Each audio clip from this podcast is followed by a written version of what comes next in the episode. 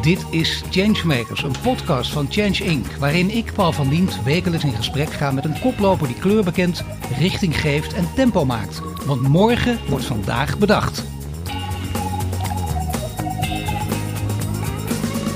Helmi Botter is bij GasUnie verantwoordelijk voor de ontwikkeling van waterstofactiviteiten in Nederland en Duitsland. En in die rol is ze als changemaker verantwoordelijk voor vele tientallen waterstofprojecten, waaronder het grootste waterstofproject van Europa. Nou, het is nogal wat. Welkom Helmi. Ja, dankjewel. Nou, dat gaat een mooi verhaal worden. En zoals met iedereen begin ik met jou ook met de vraag: welk duurzaam nieuws maakt de afgelopen week de meeste indruk op je? Nou, dat is met name het nieuws wat ik uh, vanochtend uh, las voordat ik hier naar de studio uh, ging. En is dat het ging over het nieuws dat de Rijks of de overheid extra geld beschikbaar heeft gemaakt voor het plan voor, voor Noord-Nederland. Um, en dat geld is onder meer ook gericht op de energietransitie, energietransitie. Ja, niet gek dat het jou opvalt natuurlijk. Hè? Afkomstig uit het noorden, wonend ook in het noorden, in het mooie Friese Veen, in de buurt van Almelo. Ja, nee, het is een beetje in het oosten, maar ik werk natuurlijk al heel lang uh, in, uh, in Groningen, of in, ja. bij GasUnie in Groningen. En ik ben ook jarenlang ook betrokken geweest met uh, de advisering over de aardgaswinning. En daarmee natuurlijk extra ook betrokken bij, bij het noorden. En, en, en, en ook als Energy Valley of Hydrogen Valley. Wat we nu en het oosten heel dicht bij het noorden, probeer ja. even te redden. Ja. Helemaal goed, ja. Dan uh, duurzaamheid natuurlijk. Voor jou ja. belangrijk. Dat zal ook een rode draad worden in ja. dit gesprek. En daar kunnen we alle definities aan gaan geven. Maar is dat voor jou? Je hebt economie gestudeerd in Groningen. Je bent op een hele mooie plek terechtgekomen waar we het ook nog over hebben. Maar is het voor jou altijd belangrijk geweest? Of is er een bepaald moment geweest in je studententijd? Of misschien al eerder dat je dacht, dat is uh, de richting die ik in mijn leven wil gaan? Nou, ik ben in eerste instantie inderdaad de economische richting, financiële richting. Ik ben heel erg geïnteresseerd in de maatschappij, in de samenleving. Ik vind dat je in, uh, met economie in het bedrijfsleven, dat je daar via het bedrijfsleven heel veel impact kunt hebben op de, op de samenleving, op de economie. Uh, maar ja, eigenlijk sinds ik bij GasUnie werk, is natuurlijk uh, energie, gas, transport, gaswinning, energieinfrastructuur. En daar is eigenlijk mijn liefde voor, voor de energie ontstaan. Maar liefde voor de energie, dat klinkt helemaal mooi. Hè? Want er zijn natuurlijk heel veel mensen die het een interessant onderwerp vinden. Die zien dat we uh, soms zucht en steunen en niet aan voorbij komen. Anderen zijn bijna gelovig geworden. Die zeggen fantastisch, dit is het gewoon. Dit biedt perspectief. Waar we in deze tijd trouwens allemaal behoefte aan hebben. Wanneer is het bij jou echt gaan rollen? Want ik sprak even voor het interview ook met je. En we gaan over waterstof praten. Ja. En, en jij liet je wel kennen als een bijna als een gelovige op dat gebied. Nou, ik weet niet of we in als een gelovige, ik bedoel dat is misschien wat overdreven, maar aan de andere kant wel. Ik bedoel, ik vind het heel belangrijk om, om zelf impact te hebben op, uh, op de maatschappij, op de, op de grote thema's in de wereld, om de wereld en in Nederland uh, gewoon wat een betere, betere land, een betere positie te geven. En energie speelt gewoon een hele belangrijke rol. De energietransitie, duurs, verduurzaming is gewoon een van de belangrijkste thema's op dit moment. En ik werk al heel lang in de, in de energiewereld en kan daar ook mijn talenten goed, goed, maar stel nu dat bijvoorbeeld in, jouw in jouw studietijd heel anders was gegaan in Groningen, economie, en uh, je was andere mensen tegengekomen, had je ook gewoon uh, bij Goldman Sachs kunnen gaan werken, of niet? Nee, uh, voor, nee. nee. nee, Ik vind het wel belangrijk om iets te doen wat bijdraagt aan de, aan, aan de maatschappij en de samenleving. Dus het puur het geld verdienen, om het geld verdienen of het meer geld verdienen, dat is voor mij niet. Ik wil me inzetten voor iets wat, wat bijdraagt aan de, aan de samenleving. En je weet ook dat innovatie van belang is. Ja. Groot denken is ook van belang. Ja. Nou, dat maak je allemaal waar. Hè? Ja. Laat ik een voorbeeld pakken. Uh, de energietransitie van jou ook hè, moet versneld worden. Ja. Daar moeten we niet jaren mee gaan wachten. Een groot voorbeeld is het grootste waterstofproject van Europa, waar ik het net over had. Ja. En dat heet dan, uh, dat heet dan uiteindelijk uh, North H2. Wat houdt dat precies in, dat hele grote project, waar jij dus heel direct mee te maken hebt? Ja, dat is een heel groot project. Het is inderdaad uh, het gro uh, grootste van Europa en ook de tweede van de wereld. En ik vind het echt uniek dat het ook in Nederland, uh, Nederland plaatsvindt. en wij proberen daar echt met GasUnie, samen met partners zoals Shell, RWE, Equinor, samen echt de keten van waterstof te realiseren. Het is inderdaad een enorm groot project. We willen, zeg maar, het project behelst zoveel gigawatt, zeg maar, zodat we in principe met, het, met de realisatie van het, van het project in één klap de klimaatdoelstellingen in Nederland weten te realiseren. Zo. En we proberen dan echt met partners, en dat is denk ik ook de kern van waar ik ook voor sta. Ik bedoel, GasUnie is daar een hele belangrijke partner in, maar we kunnen het zeker niet alleen. Om echt samen je krachten te bundelen uh, in, in zo'n groot project. En daar de ervaring van elkaar te gebruiken om uiteindelijk die hele keten van waterstof, van windmolenparken tot aan eindgebruik van waterstof om die hele keten gezamenlijk op te zetten. Voor de duidelijkheid, het staat nog in de kinderschoenen. Ja. Jij staat aan het begin, wat juist heel mooi is. Het is in zekere zin ook nog pionieren. Heel veel verschillende partijen bij elkaar halen. Ja. Uiteraard valt iedereen die dit hoort ook op dat je de naam Shell noemde. Ja. Nou, Shell van deel verdacht, van deel natuurlijk ook bezig een omwenteling te maken. Ze kunnen niet anders, ze moeten wel. Wat is precies de rol van jou om al die partijen bij elkaar te houden? Ja, het is denk ik heel mooi. Uh, ik bedoel, we hebben, ik heb het net over Shell, maar we werken in de energietransitie en met waterstof echt van, van hele grote partijen en hele kleine partijen. We werken met, met de ene kant inderdaad met partijen zoals Shell, aan de andere kant werken we ook heel veel samen met partijen zoals Greenpeace. Dus wat ik heel erg mooi vind, dat je dus de verschillende partijen uh, bij elkaar brengt. En ja, en hoe doen we dat? Je moet wel een aantal partijen bij elkaar brengen die echt geloven in een langetermijn uh, duurzaamheidsbelang. Hè? Dus niet gaan voor korte termijn winsten, maar echt kijken naar, naar de lange termijn. En die daar ook moeten en, en, en lef eh, voor nodig hebben om daar samen met elkaar eh, in, in, in, te stappen. Maar we zien wel dat lange termijn ontbreekt het vaak aan. Hè? Ook in de politiek. Logisch, om elke vier jaar komt er weer een andere partij. De politiek heb je natuurlijk ook mee te maken. Een van die, van die spelers natuurlijk, waar je ook mee te maken hebt, waar je niet omheen kunt. En hoe krijg je mensen zover dat ze ook, want je, je gebruikt nu zelf ook door het geloof, en ik snap het ook. Want je zult mensen moeten overtuigen dat dit iets voor lange termijn is. Dat het dus met vallen en opstaan gaat, dat er hobbels onderweg zijn. Dan kunnen er criticasters komen die het helemaal onderuit willen maaien. En dan toch koersvast blijven. Ja, dat bedoel, de politiek is natuurlijk elke vier jaar inderdaad een nieuw kabinet. Eh, gelukkig hebben we wel natuurlijk ook de klimaatdoelstellingen. Ik bedoel, we hebben het Paris eh, Agreement. We hebben de Nederlandse klimaatdoelstellingen. Nou, die worden nu ook weer aangescherpt. Hè? Dus uh, je ziet ook dat dat eerder een tandje erbij gaat dan een tandje eraf. Het gaat een enorme uitdaging worden om die klimaatdoelstellingen te halen. Maar we moeten daar wel voor gaan. Ik bedoel, we hebben wat mij betreft ook weinig keus om daarvoor uh, voor te gaan. Het staat in de kinderschoenen. Uh, maar ik denk dat we als Nederland echt een hele mooie uitgangspositie hebben om, uh, om, dat, om dat waar te maken. Als je het echt groot wil neerzetten, dat is het ook. Dit is heel groot. Nederland is een van de voorhoedenspelers. Dat is heel mooi. het mooiste is natuurlijk altijd, mensen roepen dat bij echt grote projecten, hoewel je daarmee moet uitkijken, het is dit, nieuwe delta werken. Daar lijkt het een beetje op. Vind je dat te groot of zeg je nou, dat mag je hier wel opplakken? Nee, ik denk echt dat het kan. Uh, we hadden het inderdaad voor, de, voor de uitzending al even over. Ah, niet vertellen. Uh, maar nee, ik geloof daar... Uh, ik, weer het woord geloven trouwens, Paul. Maar nee, ik geloof daar echt in. Ik denk, Nederland is, heeft echt een unieke positie. we hebben natuurlijk heel veel... We liggen aan de Noordzee, dus we hebben heel veel potentie van wind op zee. We hebben enorm veel kennis en ervaring in de olie- en gaswereld. Wat echt uh, een toegevoegde waarde is als we hebben over waterstof. We hebben natuurlijk echt een mooie infrastructuur. De havens van Rotterdam. Uh, enorme verbindingen ook met, uh, met, met, met Duitsland en met België, Frankrijk. Dus we hebben goede infrastructuur. En nou ja, dan komt het bij GasUnie natuurlijk ook terug. We hebben een bestaande infrastructuur wat we nu gebruiken voor aardgas. De buizen liggen er al, hè? Nou, die buizen liggen er al. En doordat de aardgaswinning in Groningen uh, nou, in 2022 gestopt wordt... kunnen we die aardgasleiding ook voor waterstof gebruiken. En dat is natuurlijk heel mooi... Want daarmee wordt de energietransitie ook voor een deel nog betaalbaar, of nou, betaalbaarder, omdat we daar de infrastructuur niet voor, voor, voor, hoeven aan te leggen. En je kunt dus inderdaad ook waarmaken dat je dan van fossiel, fossiel echt afgaat, ook afscheid neemt. Sommige mensen zijn alleen bang dat de energietransitie, kijk, hij moet niet te langzaam gaan, hè, dat hebben we ook steeds, de versnelling, maar dat die heel snel gaat. Oftewel meteen van het gas af. En dan, dan schrikken de gemiddelde burger schrikt, want die krijgt er natuurlijk direct mee te maken.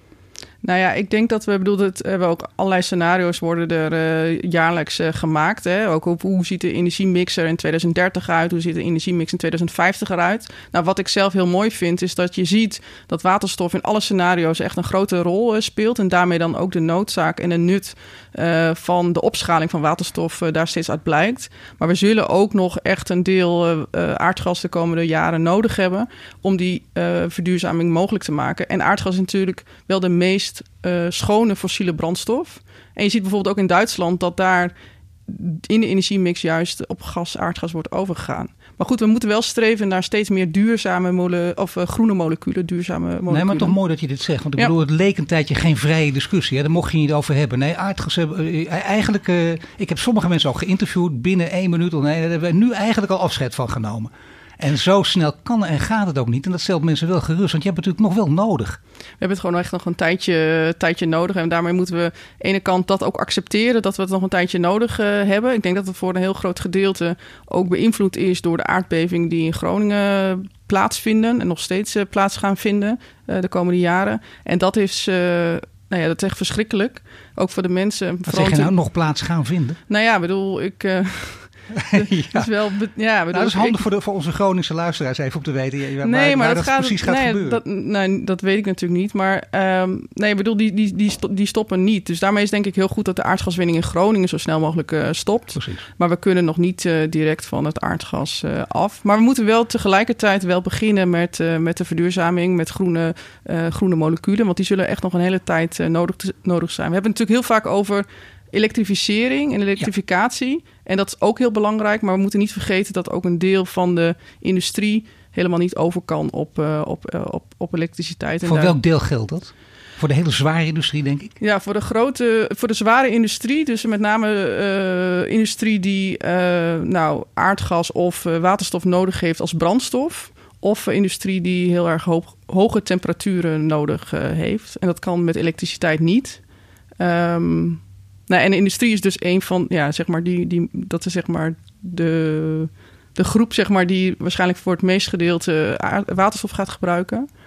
Um, en natuurlijk de zware mobiliteit. Dus grote vrachtwagens, trucks, dat soort uh, zaken. Nou, laat ik zeggen, samenvattend. Uh, je, je, laat je natuurlijk inderdaad echt gelden nu. Dat blijkt ook als een echte waterstofambassadeur. Ja. Daar was ik voor gewaarschuwd, dat wist ik ook. Nou, dat ging deze week ook over, Jazeker, ja. dat mag ook. Daar was ik ook dat, voor genomineerd. Zeker, ja. dat is heel belangrijk ook. En daarom dacht ik, ik moet even zwaar gescheurd meenemen. En je ziet hè, een blaadje voor mijn neus met, met een paar kanttekeningen bij waterstof. Namelijk, je hebt groene, je hebt blauwe, je hebt grijze waterstof. Ik citeer ook even de meest voorkomende kritieken. Groene waterstof is vijf keer zo duur als aardgas. Hoe krijg je draagvlak? Door tegen mensen te zeggen: je moet gewoon een veel grotere energierekening gaan betalen. Dat lijkt me niet. Hè? Hoe kun je mensen erop voorbereiden dat dit waar is en dat het toch meevalt? Nou, dat is bijvoorbeeld een van de redenen waarom wij zelf als uh, GasUnie ook meewerken aan dat Noorditch 2 project, waar jij uh, net ook al uh, ja. over had, of waar we het net over hadden. Um, het is op dit moment inderdaad niet concurrerend met, met, met, met, met, met, met aardgas of met grijze waterstof.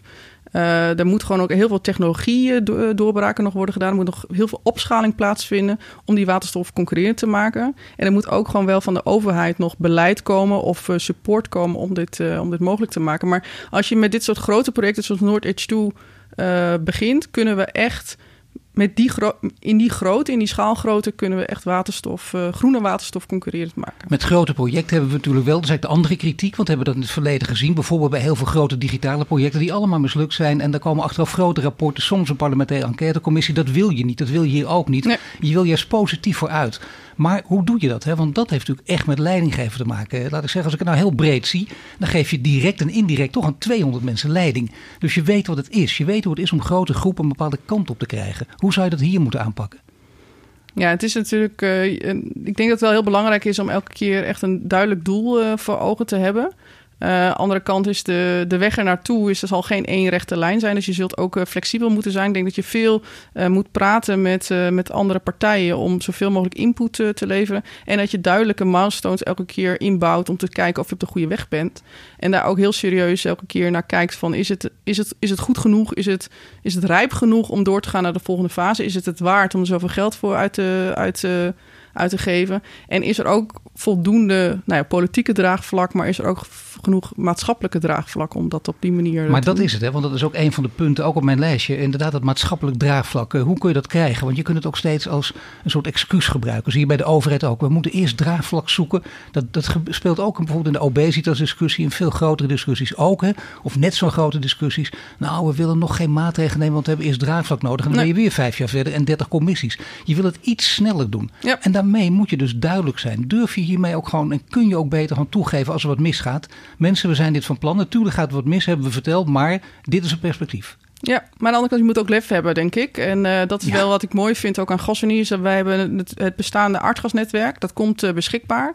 Nou, we zien inderdaad dat ook de vraag naar uh, waterstof natuurlijk tot gang, op, gang moet komen. De moet, industrie moet bereid zijn om zoveel geld te investeren om hun fabrieken om te bouwen. Er moet ook aanbod zijn van waterstof. En nou wij proberen als Gasunie echt als het transportgedeelte en het opslaggedeelte in het midden van de keten om dat kip-ei discussie zeg maar te doorbreken. Um, En daar inderdaad wel lef te tonen om dat aardgasnetwerk om te bouwen tot een waterstofnetwerk. Ja, lef tonen betekent ook uh, gewoon doorgaan. Hè? Dat betekent dat dat is inderdaad koersvast zijn. Ook, komt, ook al komt de kritiek en je weet dat dat gaat komen. En dan niet opeens te veel gaan meebuigen. Want dan snappen mensen het ook niet meer. Nee, het is heel belangrijk om voorspelbaar te zijn. We hebben onze, wij noemen dat onze waterstof backbone. Daar hebben we ook een plan uh, voor gemaakt. Zeg nou, waterstof backbone, dat klinkt leuk. dat is een waterstof backbone. Ja, wij noemen dat, nou ja, in principe onze, onze landelijke infrastructuur. Wat we om willen bouwen naar waterstofinfrastructuur. Um, daar hebben we een plan voor gemaakt. We kunnen dat in 2027, denken we, landendekkend uh, netwerken maken. En in 2030 ook goede verbindingen met het buitenland uh, creëren. Nou, en daar nou, dat, dat wordt, natuurlijk continu aan gewerkt, wordt continu bijgeschaafd. Maar wij proberen wel voorspelbaar te zijn om ook aan de industrie en aan de aanbodkant gewoon te laten zien: dit gaan wij doen. Dus jullie kunnen op rekenen dat wij dit gaan realiseren. Dus jullie kunnen gewoon verder gaan met de plannen die jullie, uh, die jullie hebben. Ja, dat klinkt als betere routekaarten dan we in de coronatijd horen. Maar dat is weer een heel ander verhaal. nou, Helmi, ik probeer het. 2-0 voor jou nu. Het is geen wedstrijd, maar toch een beetje jammer. De derde dan. Ja. Het gaat over de landelijke regie bij deze plannen. Je noemt alles er bij elkaar. En dat is ook, ik citeer even een veelgehoord verhaal. Er wordt, uh, Green Deal wordt, wordt alom geprezen. Moeten we het ook Europees misschien zelfs aanpakken. Maar de waterstofmarkt die moet nog worden opgebouwd. Daar hebben we het over gehad. En dan vooral, het moet geen platte race om subsidie subsidie worden. En hoe kun je dat voorkomen? Nou ja, ik, ik, ik, kom straks ook weer terug op jouw vraag over er moet geen race naar subsidie oh, worden. Wel, uh, daar gaan we wel op terug, ga ik wel op terugkomen. Nee, aan de andere kant denk ik. Uh, wat ik, nou ja, wat, ik, wat ik net ook zei, Nederland heeft wel een hele goede uitgangspositie. We lopen denk ik nu qua waterstof in Nederland uh, nou, voorop. Um, we moeten niet vergeten dat de landen om ons heen, hè, Frankrijk en Duitsland, hebben behoorlijk veel geld ook uh, ter beschikking gesteld vanuit de overheid. Echt miljarden. De tempo zit er zeg maar, in het buitenland best wel uh, goed in. Dus ik denk wel dat wij. Ja, je hebt landelijke regie nodig, maar we moeten ook Europees gezien als Nederland ook wel doorpakken. We hebben natuurlijk dit jaar ook de verkiezingen. Nou, dat we hebben nu al een dimensionair kabinet. Ja, daar verheugen we allemaal op, ja, inderdaad. Nee, maar ik bedoel, dat betekent wel dat, uh, nou ja, zeg maar, heel veel belangrijke besluiten nu uh, wel even een tijdje stil liggen. En de ontwikkeling van de waterstof uh, ligt niet stil, zeg maar. Dus we moeten inderdaad, wat, daar ben ik dus heel erg met je eens, er moet echt wel landelijke regie komen. Er moet ook landelijk ehm, ja, doorgepakt worden om uiteindelijk te zorgen dat we als Nederland niet straks door deze vertraging nou ja, niet die uh, koploperspositie. En we zijn enorme schulden maken. We moeten ook geld verdienen. Je zou bijna zeggen, nou kom op, hey, dit is een mooi perspectief. Dat kun je de mensen ook bieden, zelfs nu in deze tijd. Door te zeggen, luister even, dit komt eraan. We kunnen koploper worden. We hadden het over delta werken. Ja. Dat verhaal zou ook nu, zelfs in verkiezingstijd, gebracht kunnen worden, of niet? Ja, ik vind echt dat je het, het uh, niet alleen moet kijken naar het groeivermogen van Nederland. Dus niet alleen maar kijken naar de economische positie. Ik denk ook heel belangrijk is. Hè, ook zeker met de schulden die we allemaal nu maken vanwege de coronacrisis. Dat ook een perspectief is naar de groei. Ja. Maar dat we ook moeten kijken naar het groenvermogen. En volgens mij gaat het heel erg mooi hand in hand. Dat je juist met de verduurzaming een unieke koploperspositie in, in Europa kunt krijgen. En misschien wel in de wereld krijgen. En daarmee ook je innovatie uh, ja, kunt vermarkten in de wereld. Dat er heel veel werkgelegenheid ontstaat. Nou, we zitten natuurlijk heel veel in de olie- en gaswereld. Er zit heel veel kennis in. Um, nou ja, dat kun je omzetten in, in, in kennis van de energietransitie. Zowel op elektriciteit, maar ook met name ook in waterstof. En nu het punt waar je op terug zou komen. Namelijk, uh, inderdaad, hoe zit het met die subsidie? Geen platte race om subsidies, want dat zie je vaak hè, ontstaan. Kan niet anders. Nee, er moet inderdaad wel uh, de komende jaren moet er gewoon wel subsidies uh, moet er wel bij om het, om het uiteindelijk voor elkaar uh, te krijgen. Uiteindelijk moet je niet ehm, ieder project aan zich, zeg maar, allemaal subsidies moet krijgen. Volgens mij moet je het echt bundelen naar dat je kijkt naar een aantal grote projecten, dat je dat subsidieert om te zorgen dat daar die kosten doorbraken en dergelijke door ontstaan. Maar de komende jaren heeft het wel subsidie nodig om, uh, om die doelstellingen te realiseren. Ja. Zeker, maar het wordt geen platte race, maar het is gewoon een, een mogelijkheid om het te openen en groot ja. te maken. En bovendien, er staat veel op het spel. Ik denk dat dat niet vaak genoeg herhaald kan worden ook. Nee. En is er, is er nog een punt, en dat is namelijk, uh, er zijn een paar hoogleraren die zich hier ook mengen in deze discussie, die de kritische kanttekeningen maken. Die overigens bijna allemaal uh, wel op een of andere manier zeggen, we snappen dat hier kansen liggen. Maar altijd kijken, want je kunt van die kritiek ook leren. Dit is een uh, hoogleraar energie in Utrecht, Ernst Worel. Ja. En die zegt, waar is waterstof zinnig? Waar is elektriciteit direct inzetbaar? Daar moet je heel goed naar kijken. En hij zegt ook, plannen voor bouw van waterstoffabrieken, die lijken mij soms science fiction. Het lijkt soms een science fiction film, zegt hij als hij daarnaar kijkt. Want wat wordt het aandeel van waterstof voor Nederland eh, in de industrie in de toekomst? Dat wil ik allemaal precies weten. En dan ga ik er pas in mee. Is hij dan te voorzichtig? Of zeg je nou goed dat, eh, dat de professor dit eventjes aanhaalt? Nou, wat, uh, wat ik goed vind aan deze professor is dat hij in ieder geval aangeeft dat het volgens mij niet een vraag is van of-of. We hebben niet of, of elektrificatie of waterstof. En je merkt denk ik wel in het nieuws dat waterstof de afgelopen jaren echt heel veel aandacht uh, krijgt. Daar ben ik natuurlijk zelf heel blij mee. Maar we moeten niet vergeten dat wat ik net zei, ook over aardgas in de energiemix, uh, dat ook elektriciteit en waterstof allebei een grote rol spelen. Dus voor mij is het en-en. Um, dat zegt hij inderdaad ook, ja. Maar je wil, je wil precies weten wanneer. Hè? Wanneer zet je het een en wanneer het ander. Nee, en we zijn volgens mij nu nog niet in het stadium dat, het, dat, we, dat we moeten kiezen, zeg maar. We moeten en elektrificeren en waterstof uh, ontwikkelen. Um, en, en, we kunnen niet wachten met, met, met het ontwikkelen van de waterstoftechnologie. Ik bedoel, op het moment als wij in 2030 de eerste klimaatdoelstellingen hebben... en in 2050 uh, CO2-neutraal willen zijn... Ja, dat, dan moeten we wel nu beginnen met die waterstoffabrieken. Maar er staat een mooie visie natuurlijk. Hè? Je noemt tot 2027 het eerste deel, 2030 het tweede deel, 2050 heb je helemaal uh, als de grote plek ja. natuurlijk. Van daar moet je naartoe. Ja. Dat betekent dat, oh, ik zou bijna zeggen dat is visie met, met een hoofdletter natuurlijk. Letterlijk ook impact met een ja. hoofdletter, want die ga je krijgen. En het is ook voor Nederland heel gunstig. Ja. Dus nu zorgen dat dit niet meer mis kan gaan, dan hangt dat heel vaak af, zoals we allebei weten, van communicatie. Dus hoe gaan we dit delen met de burgers? Want ze krijgen hier wel mee te maken. Energietransitie betekent, in Denemarken zag je het ook, ja. als we van het gas afgingen, de straten open en de Denen reageerden daar heel uh, makkelijk op. Dat zal in Nederland toch wat lastiger worden, roepen allerlei deskundigen. En je hebt ook genoeg mensen nodig. Hè? Genoeg ja. mensen nodig die dit kunnen, genoeg personeel. Als je dit plan hebt, waar haal je die mensen vandaan? Want dat hoor ik bijna overal. Nou ja, we hebben in ieder geval wat ik nog daarover wil zeggen is van, nou ja, het is inderdaad iets van 2027, 2030, maar nou, wij als GasUnie gaan dit jaar echt onze eerste grote investeringsbeslissingen al nemen. We gaan een deel van de infrastructuur in Rotterdam uh, investeringsbeslissing nemen. Nou, begint volgend jaar ook in het noorden van Nederland, dus dan gaan we daar ons eerste deel van ons gasnetwerk op omzetten in, uh, in waterstof. Eerste stappen 22, 23. Ja, en we hebben al in uh, een aantal jaren geleden ook een pijpleiding overgezet van, van aardgas gas naar waterstof tussen twee uh, grote fabrieken. Uh, dus het laten zien dat het werkt. Hè? Dus dat het niet een eindplaatje is van 2027, 2030. Maar het is denk ik heel belangrijk, ook voor het maatschappelijk draagvlak, om te laten zien dat het niet iets is wat je alleen maar leest in de krant, maar dat het ook daadwerkelijk ook, uh, ook, ook gebeurt. Net dat het gaande is natuurlijk. Dat, het, dat is heel belangrijk. Ja. ja. En uh, ja, we hebben inderdaad heel veel, heel veel personeel nodig.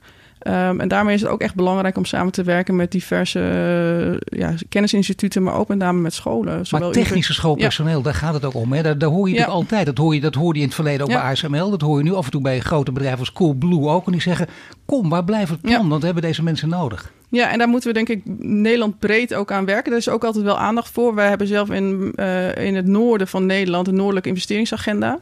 Daar is ook echt expliciet ook ruimte uh, of in het plan ook voor, nou, voor de werkgelegenheid en het zorgen voor voldoende geschoold personeel. Nou, ja, dan moet je echt met universiteiten, HBO's, MBO's echt gaan werken van hoe zorg je dat die waterstoftechnologie en die waterstofkennis en energietransitie dat het echt opgebouwd wordt. Want je weet dat dit eraan komt, dat je die mensen ja. nodig hebt en dan van hoog tot laag. Ik bedoel, ja, kan ook heel veel werkgelegenheid ja. opleveren, nogal belangrijk. Maar het is al echt gekwalificeerd personeel, want daar ontbreekt het dan vaak aan. En als je mensen zelf moet gaan opleiden, dat, dan, dat kost je heel veel tijd. Dat kost je ook tijd en geld en moeite en dan ben je weer verder van huis. Heb je het idee dat dat ook, dat dat, dat traject ook serieus, want wij hebben het er nu over. Je weet dat het zo is, maar dat uh, scholen en uh, kennisinstellingen dat ook echt oppikken?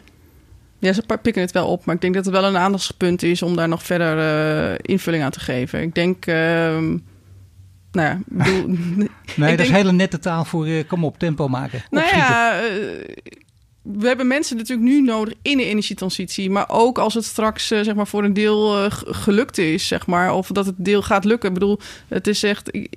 Ik, denk wel eens dat er onderschat wordt het tempo waarin de energietransitie zich bevindt. Uh, en dat je niet moet beginnen met nadenken op het moment dat je ze nodig hebt. Maar je moet eigenlijk nu, na, nu investeren om te zorgen dat straks het uh, personeel er allemaal is. Kijk, dat is goed leiderschap. Ja. Het mooie voor jou is, uh, als we, dat, je, ja. bent, je bent in zekere zin werkzaam op de achtergrond. Vind ik ook al mooi in dit gesprek. Ja. Je hebt het vaak over wij. Je praat over je bedrijf, niet over jezelf. Maar uh, ik begin het toch maar even over jou. Want ik bedoel, je, je hebt zelf niet voor niks deze prijs van ons gekregen. En, en met recht ook. Ook nog een excellente jury die erover geoordeeld heeft. Kun je nagaan. Maar het is wel belangrijk dat je dus zelf ook weet. Je staat nu aan het begin van iets heel groots. Iets heel moois. Ja. Dus uh, ja, je kunt ook, uh, als ik jou zo hoor praten en zie, dan denk ik ook, nou, voor vijf, zes jaar wordt hij weggetrokken naar Den Haag en die wordt minister.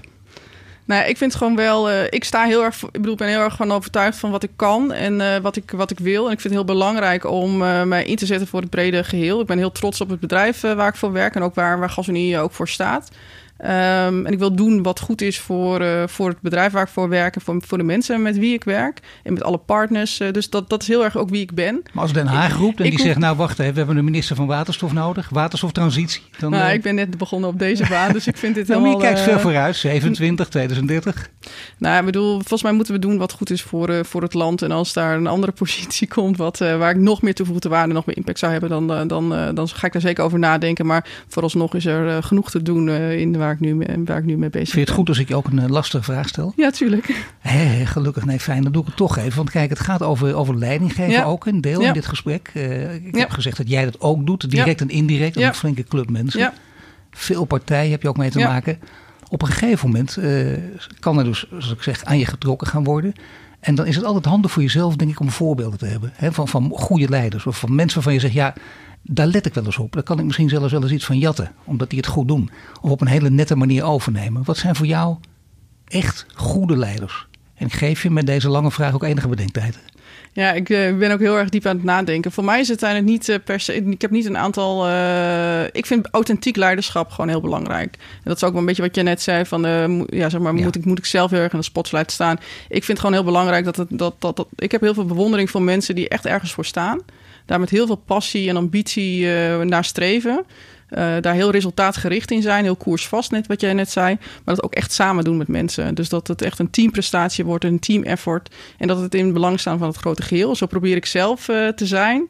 Ehm, en zo probeer ik ook eh, leiding te geven. En voor mensen die dat heel goed kunnen, heb ik gewoon heel veel bewondering voor. Maar mensen die dat goed kunnen, dan schieten jou niet één te binnen of wil je liever gewoon liever niet noemen? Nee, sp- spreekt mij niet echt iemand eh, te binnen. Dat, Het is ook niet zo dat je, je, je volgt wel, je, je volgt cursussen op dit gebied, Ja. je leest boeken, eh, je kijkt van anderen wat er gebeurt. Misschien Ja. binnen je eigen bedrijf en dat je denkt, oh wacht even, dat is inderdaad een hele goede manier van, eh, van bijvoorbeeld delegeren. Of een hele goede manier van voor de troepen uitdenken en vervolgens vertellen wat er gaat gebeuren. Dat zijn natuurlijk dingen die je wel van anderen kunt leren in je omgeving of niet. Ja, ik kan heel veel leren van heel veel verschillende mensen. Niet alleen mensen die op mij lijken, maar ook van mensen die heel erg niet op mij lijken. Dus ik kan ook heel veel leren van mensen die eh, bijvoorbeeld wel heel erg persoonlijk ergens, eh, er- ergens voor, eh, voor, voor, voor staan. Of daar zelf zichzelf heel erg in de, in de voorgrond treden. Maar ik vind, ja, zeg maar, ik heb niet. ja, dus ik leer van eigenlijk van iedereen. Maar geen valse bescheidenheid. Hè? Dat betekent op een gegeven moment, het gaat niet om jou, dat is duidelijk. Nee. Het gaat om die zaak, maar Ja. soms is het nodig dat je Ja. wel zelf Nee. naar voren treedt. Bijvoorbeeld door dit verhaal ook te vertellen. Ik denk wel dat als ik nu ook met je praat, denk ik het is wel mooi als je natuurlijk aan het begin nu staat en dit gaat maar door en je blijft het traject volgen. Dan moet je dat heel vaak gaan vertellen, toch? Of niet? Ja. Ook aan alle talkshowtafels. eh dan wordt waterstof gewoon een leuk onderwerp. Het zou zomaar kunnen.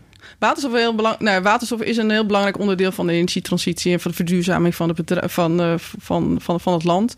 En daarmee eh, ja, moet het onderwerp blijven van, eh, van alle talkshowtafels. En zeker voor jou, hè? Met, voor met- mij met, is met ook je wel- voorkeur ja. voor, voor authentiek leiderschap. Ja. Houdt authentiek leiderschap ook in dat je altijd het goede voorbeeld moet geven? Ja, ik vind wel dat je dat moet proberen. Ik bedoel, eh, niets menselijk is ons vreemd, zeg maar. Dus dat gaat ook ongetwijfeld ook af en toe Maar fout. heb je thuis maar nog een cv-ketel of niet? Ik heb zelf nog een cv-ketel thuis. ja. Kijk toch, nee. Ja, ja, nee, dus dat is misschien het verkeerde voorbeeld. Ehm, Maar je gaat er wel snel vanaf na dit ik ga wel eh, binnenkort eh, krijg ik een waterstofauto. eh, Kijk dus dat is wel een goede voorbeeld. Ook om de, nou ja, ook voor het laten zien dat het ook kan in, in, in, in, in de auto's en in zwaar transport kan het sowieso. Ehm, nee, dus daar probeer ik in ieder geval voor die manier ook het te laten zien dat het, eh, dat het kan en eh, daar eh, het goede voorbeeld in te Nou, geven. waterstofambassadeur, ik Ja. zou zeggen, onthoud haar naam Helmi Botte. Hartelijk dank voor dit gesprek. En je luistert naar een podcast van Change Inc. En die is mede mogelijk gemaakt door onze partner Ebbingen. Dit was de Changemakers podcast van deze week. Volg onze website voor meer nieuws over succesvol duurzaam ondernemen. Wil je meer afleveringen beluisteren? Abonneer je dan nu via iTunes of Spotify en krijg een melding wanneer er een nieuwe podcast online staat.